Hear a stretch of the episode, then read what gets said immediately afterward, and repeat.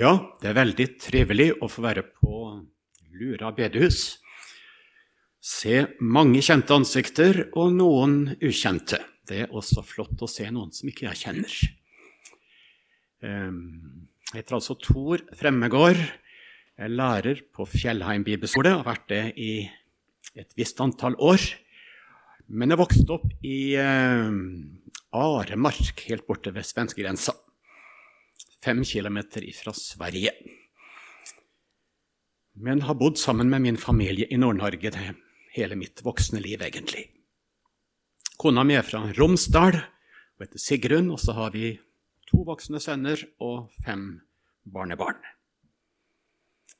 Syns jeg har vært eh, privilegert som har fått bo i Nord-Norge det meste av mitt eh, ja, hele mitt voksne liv, egentlig. Det har vært et privilegium å få være på Fjellheim det meste av tida. Fjellheim bibelskole. Vi skal høre mer om det i morgen. Men jeg har bare lyst til å si det at vi er kjempeglade i år for at vi har to ulike klasser. Vi har ofte én klasse, men noen år så har vi to klasser. Eh, Bibel og formidling. Nå heter det samtidig Vitne, denne klassen. Det skal hjelpe eh, Vi ønsker å hjelpe fram nye nådegaver i vitnetjeneste. Men det kan være på mange nivåer. Blant barn, ungdom, voksne, på, leir, i frivillig arbeid og i lønna forkynnertjeneste.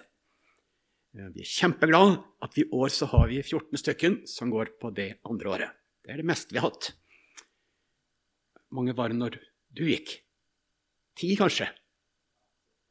Ja, men det er siste året vi hadde, men nå er det tre år siden det. Det er veldig kjekt å ha en ny klasse. Og så har vi en flott, vanlig bibelskoleklasse. Som ikke er så stor som vanlig, men eh, vi satser heller på si, kvalitet enn kvantitet. Ja. ja. Men vi håper jo veldig at det skal komme enda flere neste år, og det har vi tro på. Vi har i hvert fall tredobbelt med søkning nå i forhold til samme tid i fjor. Så det er vi kjempeglade for. Det har vært veldig mange interesserte nå på ulike kristne skoler. Og eh, vi har, er glad og takknemlige for at det ser ut til å være stor interesse for neste skoleår. Høre mer om Fjellheim i morgen. Vi skal ha et, en overskrift i helga som er Den hellige ånds gjerning. Den hellige ånds gjerning. Og Da deler vi det i tre i dag så er Den hellige ånds gjerning når det gjelder trua mi, det å få kalle seg en kristen um, Den hellige ånds gjerning for mi tru. I morgen så er det Den hellige ånds gjerning i mitt liv, i min vandring som en kristen. Og på søndag så er det Den hellige ånd i forsamlingen. Vi sier jo 'Jeg tror på Den hellige ånd', en hellig allmenn kirke. Det er en nær sammenheng mellom Den hellige ånd og menigheten, forsamlingen. Det skal vi ha på søndag. Vi skal be sammen først.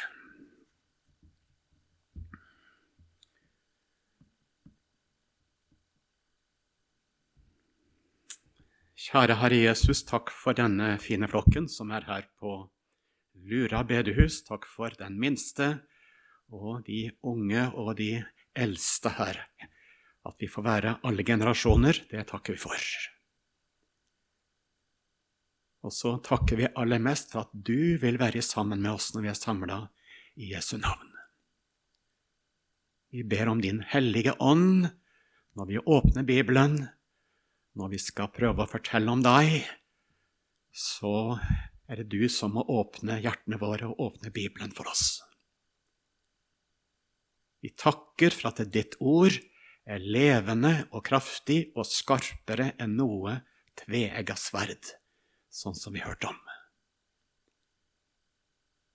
Vi legger møtet videre i dine hender, i Jesu navn. Amen.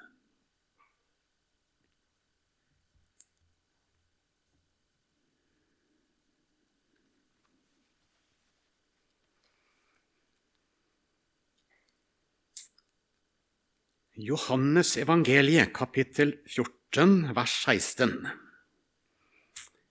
Johannes evangelium, kapittel 14, vers 16.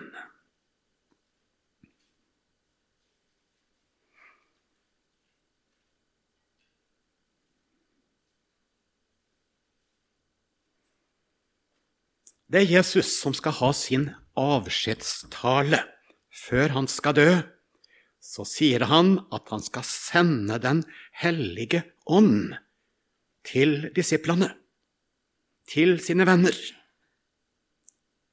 Og så sier han, 'Jeg vil be Faderen, og han skal gi dere en annen talsmann' som skal bli hos dere for alltid. Det første vi skal stoppe for nå, det er hvem er Den hellige ånd? Hvis du skal forklare hvem Den hellige ånd er, det er ikke alltid så lett å finne rette orda. Men vi må jo si det Den hellige ånd er, er Gud. Den hellige ånd er Gud. Faderen er Gud. Sønnen er Gud. Den hellige ånd er Gud. Det er tre personer, men vi tror på én Gud. Vi døper mennesker i Faderens, Sønnens og Den hellige ånds navn. Det er tre personer i den samme guddom. Den hellige ånd er Gud, og han er en person i guddommen. Han kalles for talsmannen. Ikke bare det, han kalles for den andre talsmannen. En annen talsmann. Fordi at Jesus vet sjøl at han er den første talsmannen. Det står det i 1. Johannes brev. Om noen synder, da har vi en talsmann hos Faderen. Jesus Kristus, som er en soning for våre synder, ikke bare for våre synder, men for hele verden. Jesus er min talsmann, forsvarer, en som taler min sak overfor Gud. Ja, det står at han lever alltid til å gå i forbønn for oss. Der har du en bror, en frelser, som taler din sak overfor Gud.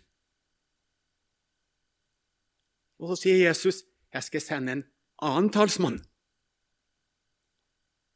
Og han skal jo tale Guds sak inn i hjertet ditt. Inn i hjertet ditt. Han skal ikke tale min sak overfor Gud, men han skal tale Guds sak inn i hjertet ditt. Det Gud vil ha sagt, det skjer ved at Den hellige ånd bruker Guds ord og så taler inn i ditt hjerte. Den hellige ånd vil åpenbare Bibelen for oss. Han vil legge Bibelens ord inn i hjertet vårt. Han er en talsmann som skal tale budskapet fra himmelen inn i hjertene våre. Og uten Den hellige ånd så kommer ikke noe av budskapet inn i hjertet ditt. Ingenting. Absolutt ingenting inni hjertet ditt.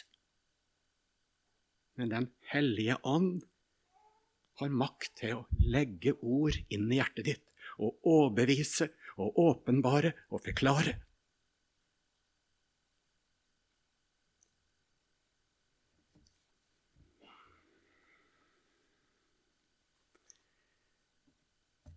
Jeg er blitt mer og mer glad i Jeg vet ikke mye du leser i Luthers lille katekisme. Den er knakende god. Jeg skal bare repetere den og lese den på nytt igjen. Og det står i forklaringen til en tredje trosartikkel Jeg tror på Den hellige ånd. Jeg tror at jeg ikke av egen fornuft eller kraft kan tro på Jesus, Kristus min Herre, eller komme til Han men Den hellige ånd har kalt meg med evangeliet. Opplyst meg med sine gaver, helliggjort og oppholdt meg i den rette tro. Ja, det stemmer med det jeg har erfart i Bibelen. Det har Den hellige ånd skapt i livet. Og Hvis ikke Den hellige ånd hadde skapt det, så har du ikke noe tro på Jesus. Da er det ei død tru. Da er deg død tru.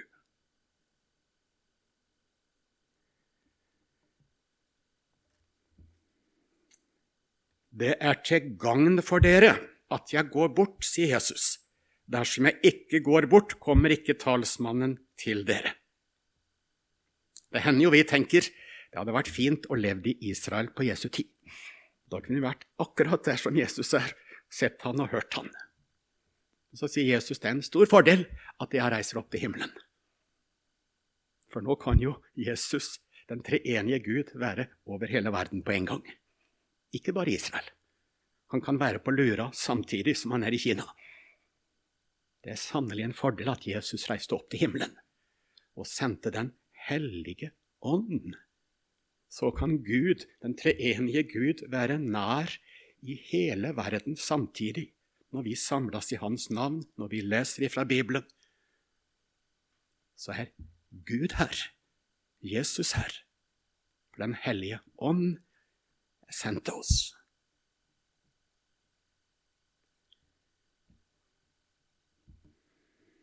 Det var det første jeg skulle si i dag. Jeg har seks punkter. Da vet du omtrent hvor langt vi er kommet. Hm. Jeg syns det er greit, så slipper folk å lure på om det er kvarter igjen, liksom. Ja.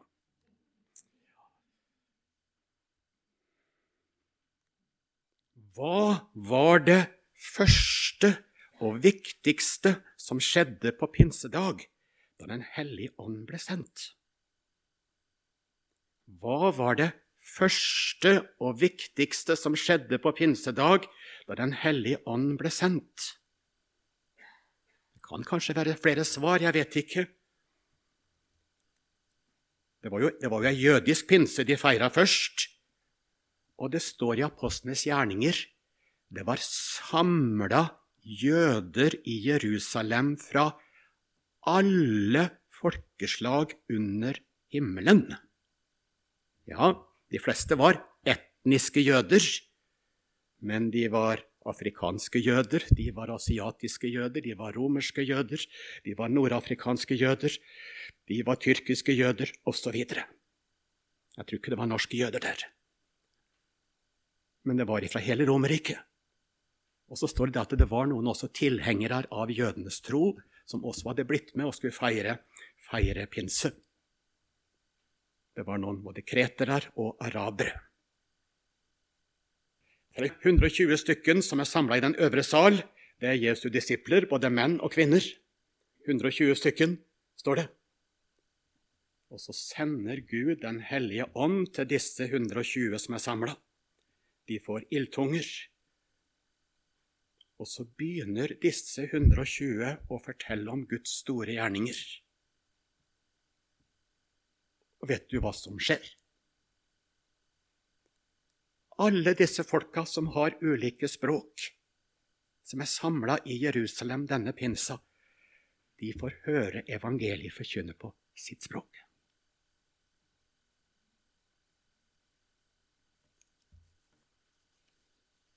Det var jo sagt på forhånd, dere skal få kraft idet Den hellige ånd kommer over dere. Dere skal være mine vitner, både i Jerusalem og i hele Judea og like til jordens ender.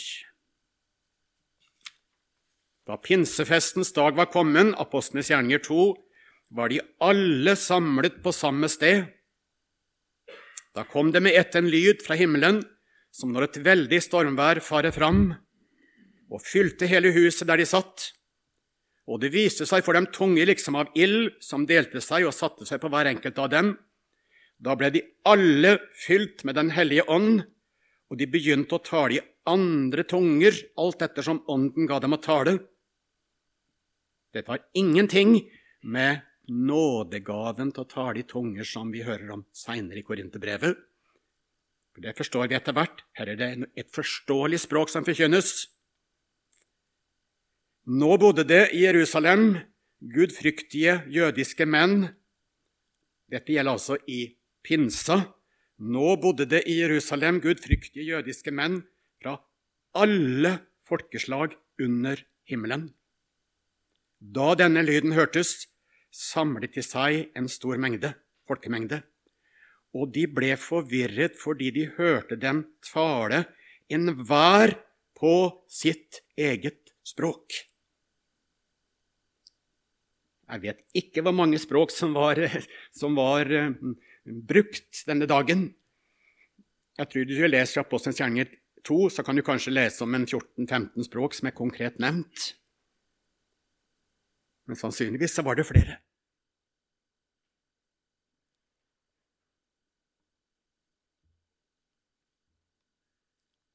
De ble helt ute av seg av undring og sa, er ikke alle disse som taler galileere? Hvordan kan det da gå til at hver av oss hører vårt eget språk?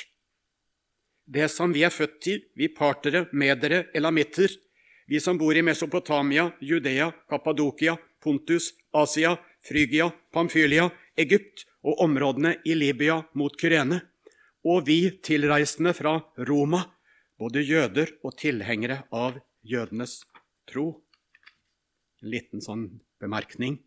Ser du for deg de hadde kommet ifra Roma for å feire jødisk pinse i Jerusalem uten hurtigbåt, fly eller noe annet lynraskt transportmiddel? Ja, ser du det for deg? Reist fra Roma til Jerusalem for å feire, feire pinse. Og så er de altså samla fra hele Romerriket. Og så forkynnes evangeliet på alle disse ulike språka som er representert. Det er det første som skjer på pinsedag. Den hellige ånd blir sendt. Evangeliet skal, må forkynnes på alle språk til alle folkeslag. Ja, det er derfor vi er med i en misjonssammenheng, er ikke det? Det er jo det som det handler om fra pinsedag av. Evangeliet skal, må forkynnes på alle språk, til alle folkeslag. Det er jo det som Gud har demonstrert med å sende Den hellige ånd. Det er jo for alle. Er det Rosenius som sier det? Å, for en nød at ikke hele verden vet hva som har skjedd. Å, for en nød at ikke hele verden vet hva som har skjedd. Det skal jo forkynnes til alle. Det kan ikke bare bli værende her på, på bedehuset i Lura. Nei, det skal videre ut til alle folkeslag. De har rett på det. Det er Guds vilje ifra pinsedag av. Gud sendte Den hellige ånd for at det skal forkynnes, må forkynnes til alle folkeslag.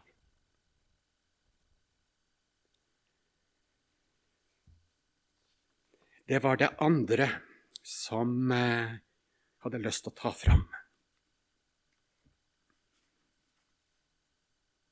Det tredje vi skal stoppe for med Den hellige ånd, det er at eh, Den hellige ånds gjerning er en ordets gjerning. De 120 forkynte om Guds store gjerninger på ulike språk. Og så begynte folk å bli forvirra. Og så begynner folk å lure på er de her galileiske menneskene fulle. Langt ifra, sier Peter. Han står opp, og så sier han disse menneskene er ikke drukne. Vi er tidlig på dagen, det er ikke snakk om at det er noe den type utskeielser her. Men det som skjer nå, det er oppfyllelsen av profeten Joel. At Gud skal sende Den hellige ånd og den skal utgytes over alt kjød, treller, trellkvinner, profeter, profetinner. De alle skal forkynne om Guds store gjerninger. Rik og fattig, mann og kvinne. Og så fortsetter Peter i Apostelens gjerninger 2 med å forkynne om Jesus Kristus. at det er han det handler om. Hele Det gamle testamentet vitner om Jesu død og Jesu oppstandelse. På pinsedag så har Peter en bibeltime, kan du godt si. Det er det første som skjer etter at de 120 har, har forkynt på alle språk. Så står Peter fram og forkynner ifra Bibelen om Jesus Kristus, ifra Det gamle testamentet. At han virkelig døde for oss, at han virkelig sto opp igjen, og at alt dette er forutsagt i Det gamle testamentet. Det er en forkynnelse av Guds ord som skjer når Den hellige ånd kommer.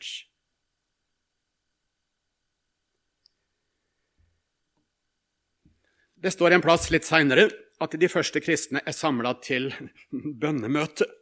Og det står at hele, hele stedet skalv der de var samla. Så kraftig var det.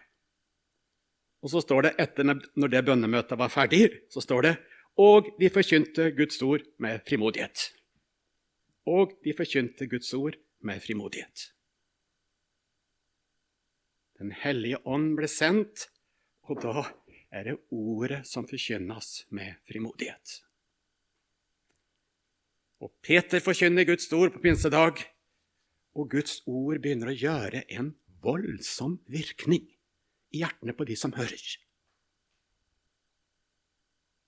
Det bryter ut vekkelse første dagen. Djup vekkelse. Det er Guds ord som forkynnes. Det er Den hellige ånd som er sendt. Og sånn som vi hørte, Den hellige ånd bruker et sverd som heter Guds ord. Og så arbeider det inn i menneskelivet.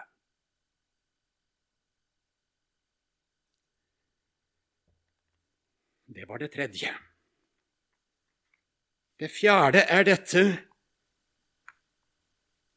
Det begynner å stikke i hjertene. Det begynner å stikke i hjertene. Apostlenes gjerninger 2. Jeg bare refererte veldig kort til denne prekenen som Peter har på pinsedag. Men det står bl.a. i vers 36.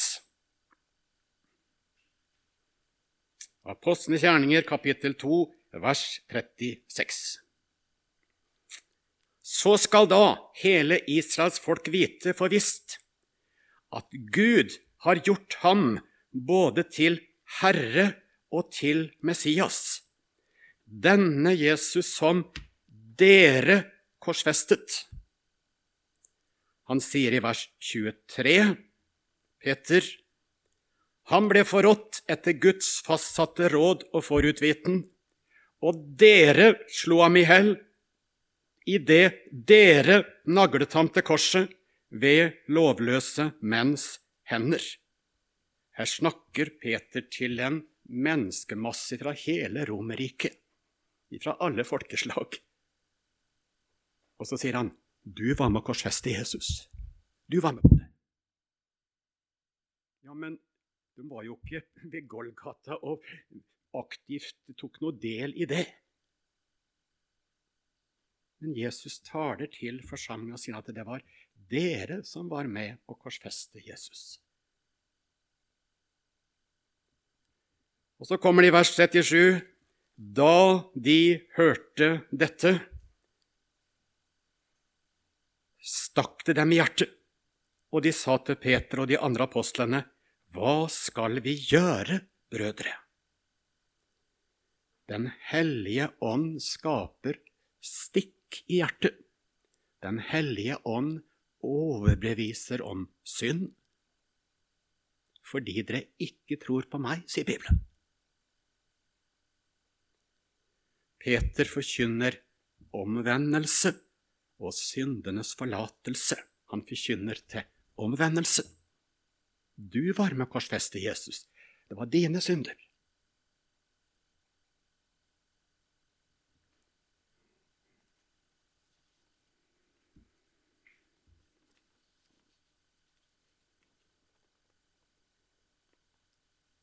Her tror jeg, hvis vi har tatt en runde i denne forsamlingen her, så hadde vi fått skal vi se, 30, 20, 40, 60, 70 Jeg tror vi hadde fått 70 ulike historier.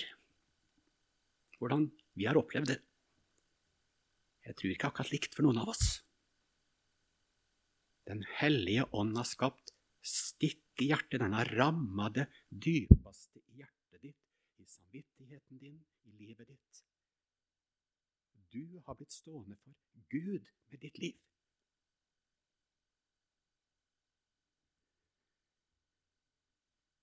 Den hellige ånd skal overbevise om synd fordi de ikke tror på meg, sier Jesus.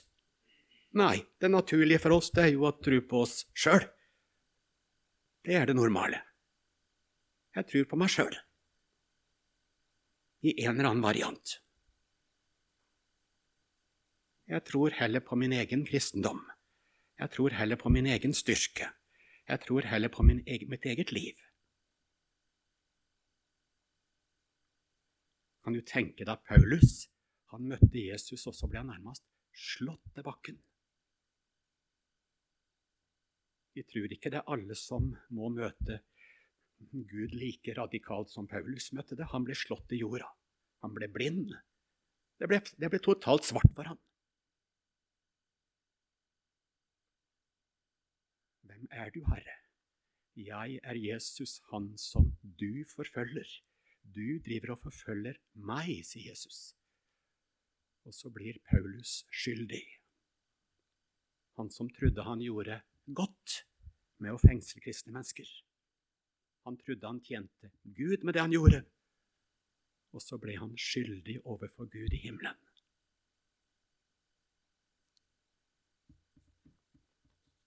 Jeg har ikke hatt noen sånn Damaskus-opplevelse. Men Den hellige ånd har også tart inn i mitt hjerte.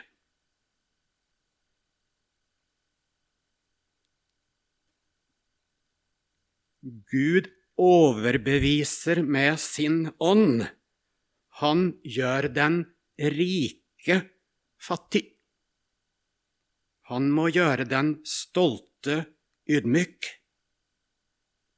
Han må gjøre den selvhjulpne til et hjelpeløst menneske. Han må gjøre den store liten. Han må gjøre den friske syk. For Jesus kommer fra redde de syke, ikke de friske.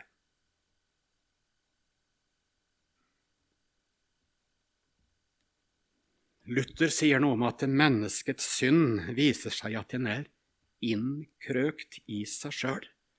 Innkrøkt i seg sjøl. Og det er sannelig et godt ord beskrivende. Min synd den viser seg i at jeg er innkrøkt i meg sjøl på en eller annen måte.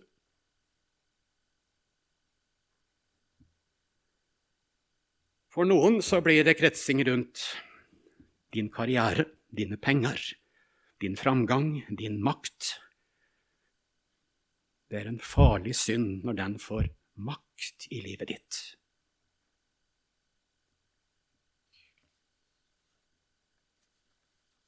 For andre så er det totalt motsatt. Du kretser rundt selvforakt og destruktive ting. En kan synes synd på de menneskene, men det er jo den samme synda. En tenker så dårlig om seg sjøl, og det har ingenting med synserkjennelse å gjøre.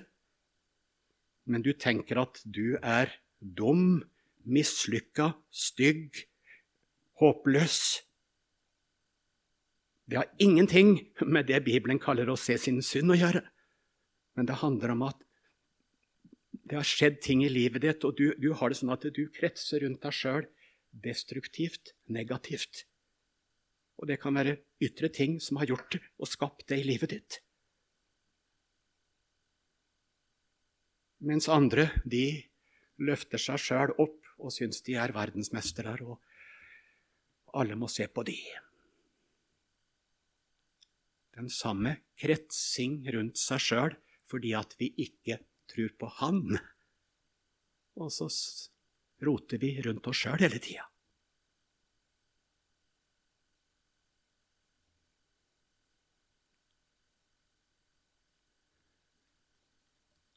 For noen så blir det et vellykka ytre liv. Du er det mest fromme, gode mennesket i verden. Og det er din på en måte trygghet. At du, det, det har gått så godt. Det går så godt med livet ditt. Og for andre så er det er du en slave under konkrete synder som du er svak for. Men det er jo egentlig det er helt det samme om vi er i den grøfta eller i den grøfta. Det handler om meg og meg og mitt, godt eller dårlig, uansett. At vi er vår egen Gud. At vi er vår egen Gud.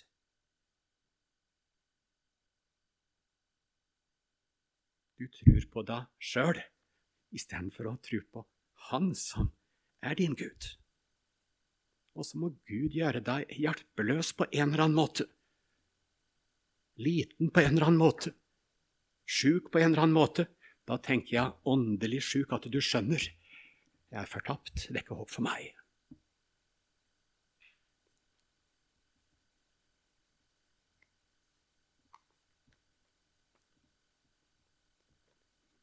Hvor mye synd, hvor hardt må Den hellige ånd stikke i hjertet for at vi skal få, få et rett forhold til Gud? Jeg har ikke noe svar på det. Her kan vi fort lage en trelldom for hverandre. Jeg husker jeg strevde mye med det, for det var noen som vitna så utrolig sterkt om at de hadde sett seg så skikkelig fortapt. Så syns jeg ikke jeg hadde sett meg så skikkelig fortapt som de andre hadde gjort. Så lurte liksom på om det, om det var godt nok med meg. Ja, det er meg og meg og meg og meg, ikke sant? Er det rett med meg? Og så skal du prøve å lete i din egen fortapthet. Var det, var, var, var det, godt nok? Var det djupt nok? Var det vondt nok? Og Jeg har hørt noen si at det er så kjempefint å få ses i synd, for da blir du så veldig avhengig av Jesus. Og så høres det ut som det er en skikkelig flott opplevelse å ha det svart. Men det er det jo ikke. Ved meg er fortapt, sier Jesaja. Han tenkte at det var, det var ikke håp for han.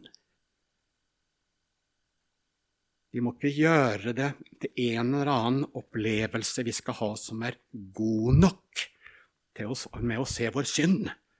Men Den hellige ånd ønsker jevnlig, ikke bare én gang, men jevnlig å skape det stikk i hjertet at du må til Jesus jevnlig med dine synder. Og at du ser at du trenger en frelser for hele deg, ikke bare en hjelper. Men du trenger en frelser for hele deg. Det må Gud stadig minne deg om. Og så er det så forskjellig. Sånn er det jo i det daglige livet, og noen de springer jo til doktoren bare de har en bitte lite i fingeren, mens andre må trues og presses av både slekt og venner ja, for å komme seg til doktoren. Og Sånn kan det jo være også i den åndelige verden, at det er ganske forskjellig hva Gud bruker for å gjøre oss avhengig av den store legen. For å gjøre oss avhengig av den store legen. Der behandler Gud oss forskjellig.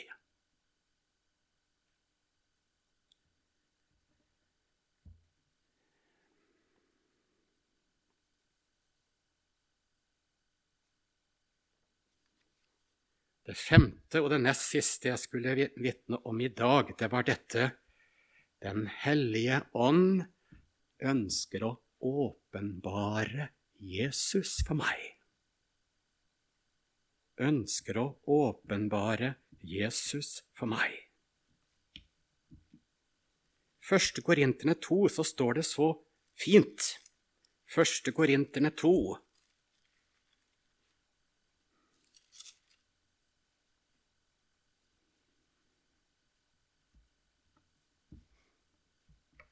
vers 10.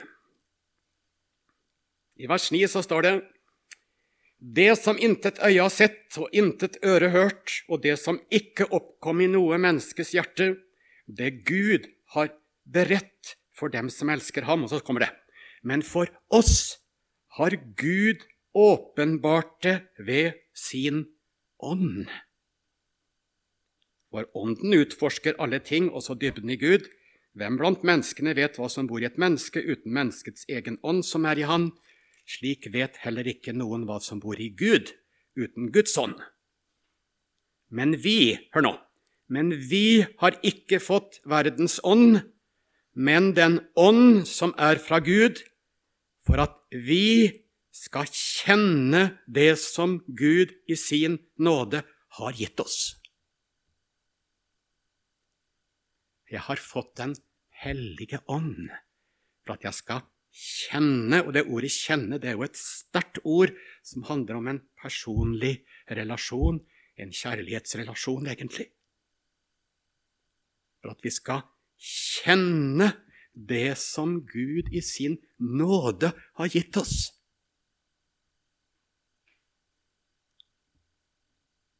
Det er Den hellige ånd som skaper mitt kjennskap til Jesus, som skaper trua mi, som skaper tillit til Jesus, avhengighet av Jesus. Hvis ikke Den hellige ånd var der og holdt det oppe, så går jeg min egen vei. Jeg lever mitt eget liv. Jeg stoler på meg sjøl, osv. Men Den hellige ånd fører meg til Jesus, driver meg til Jesus, gjør meg avhengig av Jesus og vil åpenbare Jesus for meg.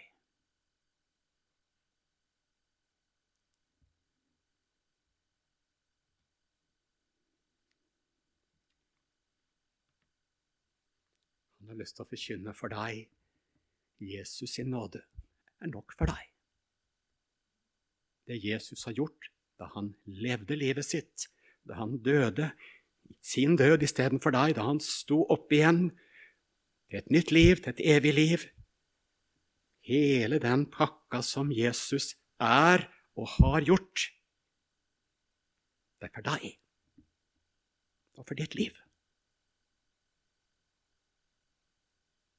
Til alle som trenger et helt nytt liv, en helt ny rettferdighet, for du har det ikke sjøl.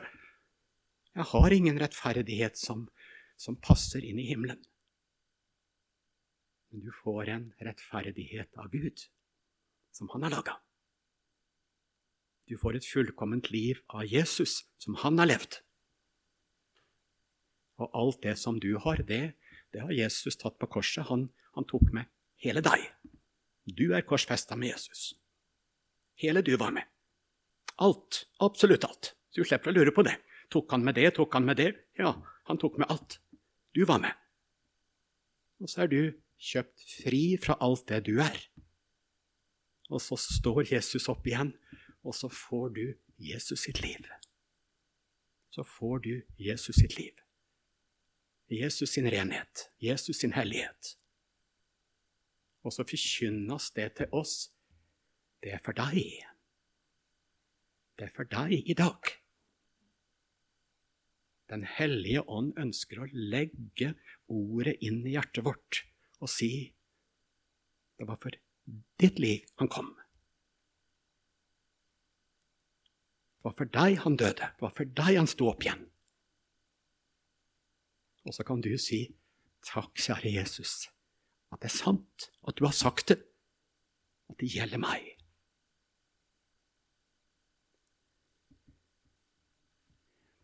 Vi vet hvordan det var for Martin Luther. Han tenkte at det her med Guds rettferdighet.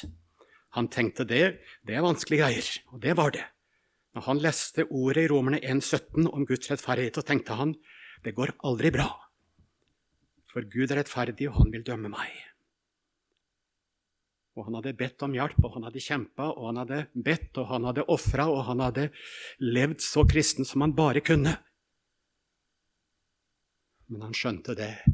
Jeg går fortapt. Himmelen er stengt. Og så leste han det i Romerne 1,17, at denne rettferdigheten det står om, er ikke noe som Gud dømmer deg med, men det er noe han gir til deg. I evangeliet åpenbares Guds rettferdighet. Det er en annen som har betalt. Det er en annen som har gjort opp. Og så nå så er Gud rettferdig. Han har dømt dine synder. Det er der. Og så får du Jesus sitt liv. Vær så god.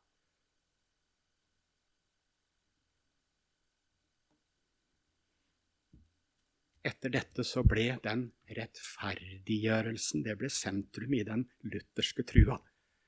Ren og rettferdig, himmelen verdig, er jeg i verdens frelser alt nå.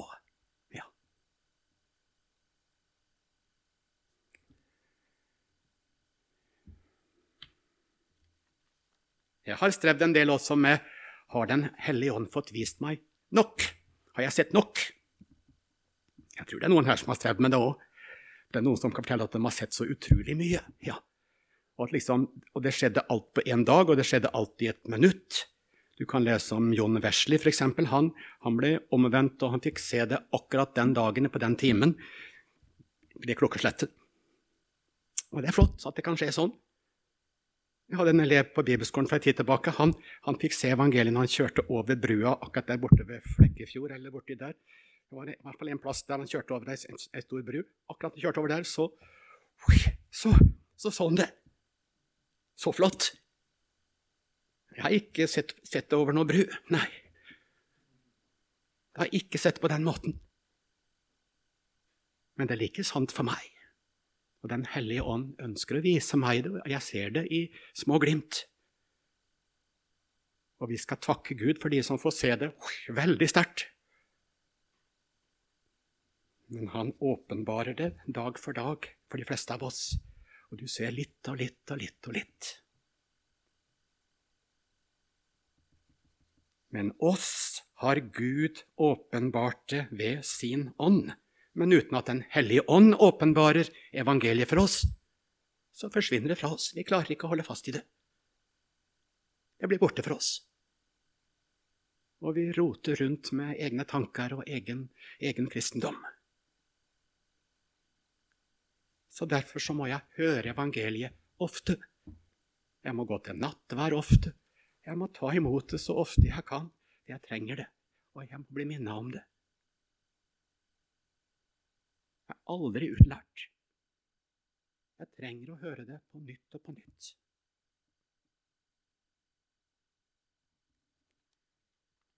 Og for det siste i dag så skal vi lese ifra Romerne 8. Romerne 8.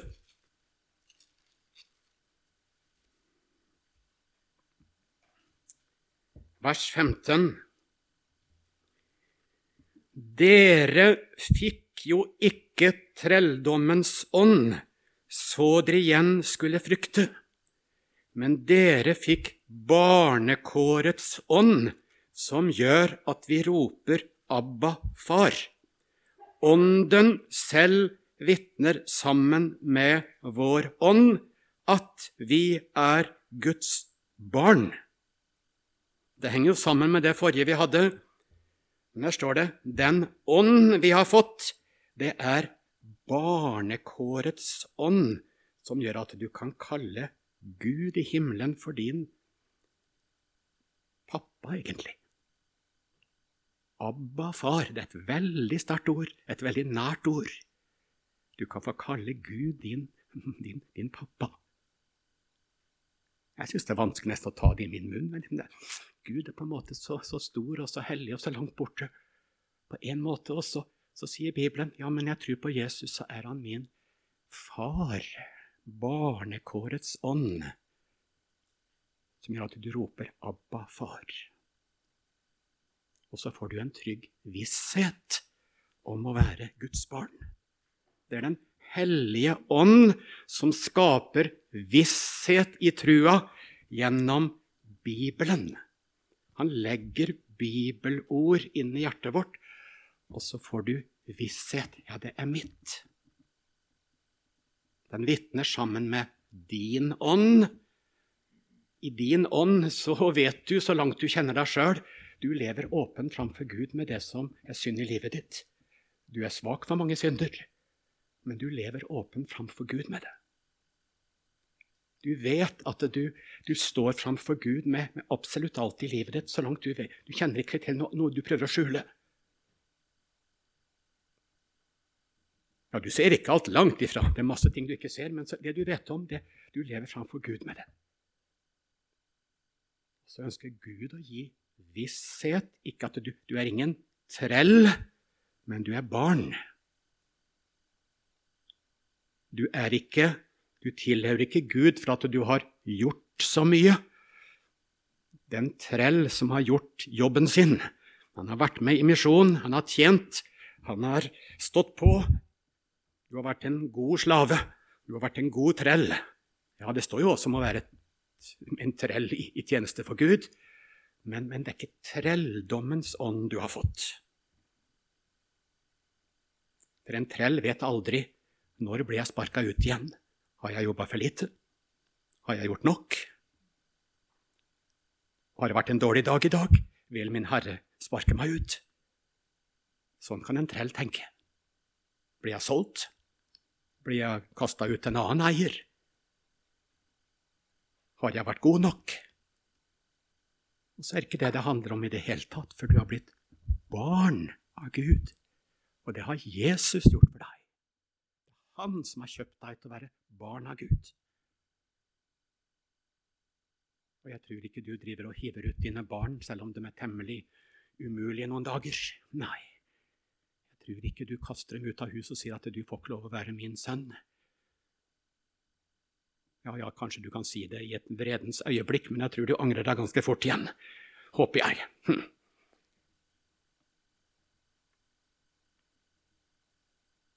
Nei, du sier ikke det. Du blir i hvert fall temmelig fortvila av deg sjøl hvis du har tatt noe sånne, sagt noe sånt. Jeg skulle ønske du ikke var min sønn, og det kanskje er noen, noen som har hørt det av sine foreldre. Å, for meg, det er ikke noe godt hvis jeg, hvis jeg har hørt det. Nei, sånn sier ikke Gud. Du skal få være et trygt barn hos Gud.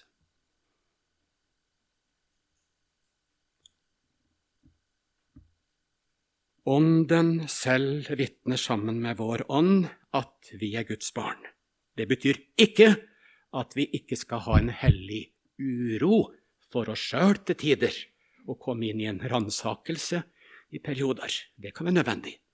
Men grunninnstillingen for en kristen er å få lov å ha visshet i trua.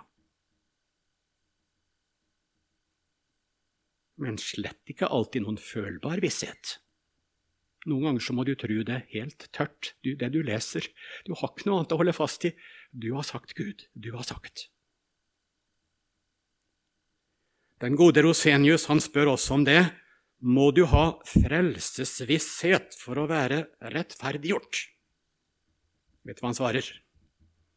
Nei, det må du ikke ha, men det er veldig viktig for helliggjørelsen din å ha visshet. For gleden i Herren er din styrke. Og det er veldig sant. Å slite med tvil og anfektelse, det, ja, det kan være noe Gud sender deg inn i. Og samtidig åh, det er så vanskelig å tjene Gud hvis du aldri har visshet. Hvis du hele tida går med tvil og, og fortvilelse, ja, det, da blir det, det meste så tungt. Vissheten gir glede i dagliglivet og trygghet i, i din tjeneste. Men den er aldri selvsagt. Den er aldri på en måte selvfølgelig. Men det er Den hellige ånd som skaper vissheten. Og Derfor så trenger jeg å få den også på nytt og på nytt og på nytt, og på en måte få, få styrka den gjennom Bibelen.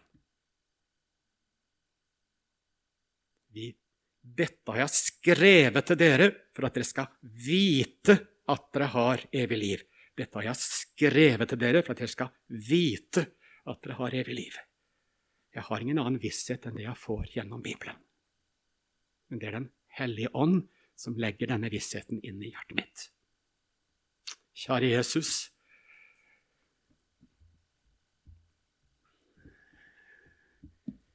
Ta ikke din Hellige Ånd ifra oss, men hold oss oppe med en villig ånd. Du må fornye trua. La oss få lov å leve i fornyelsen av trua på deg dag for dag. Takk for evangeliet som det aller største. At det som du er for meg og gjort for meg, det er det gjelder i liv og død. Det gjelder i dag, det gjelder den svarteste dagen, og det gjelder den siste dagen. Vi priser deg for det. Amen.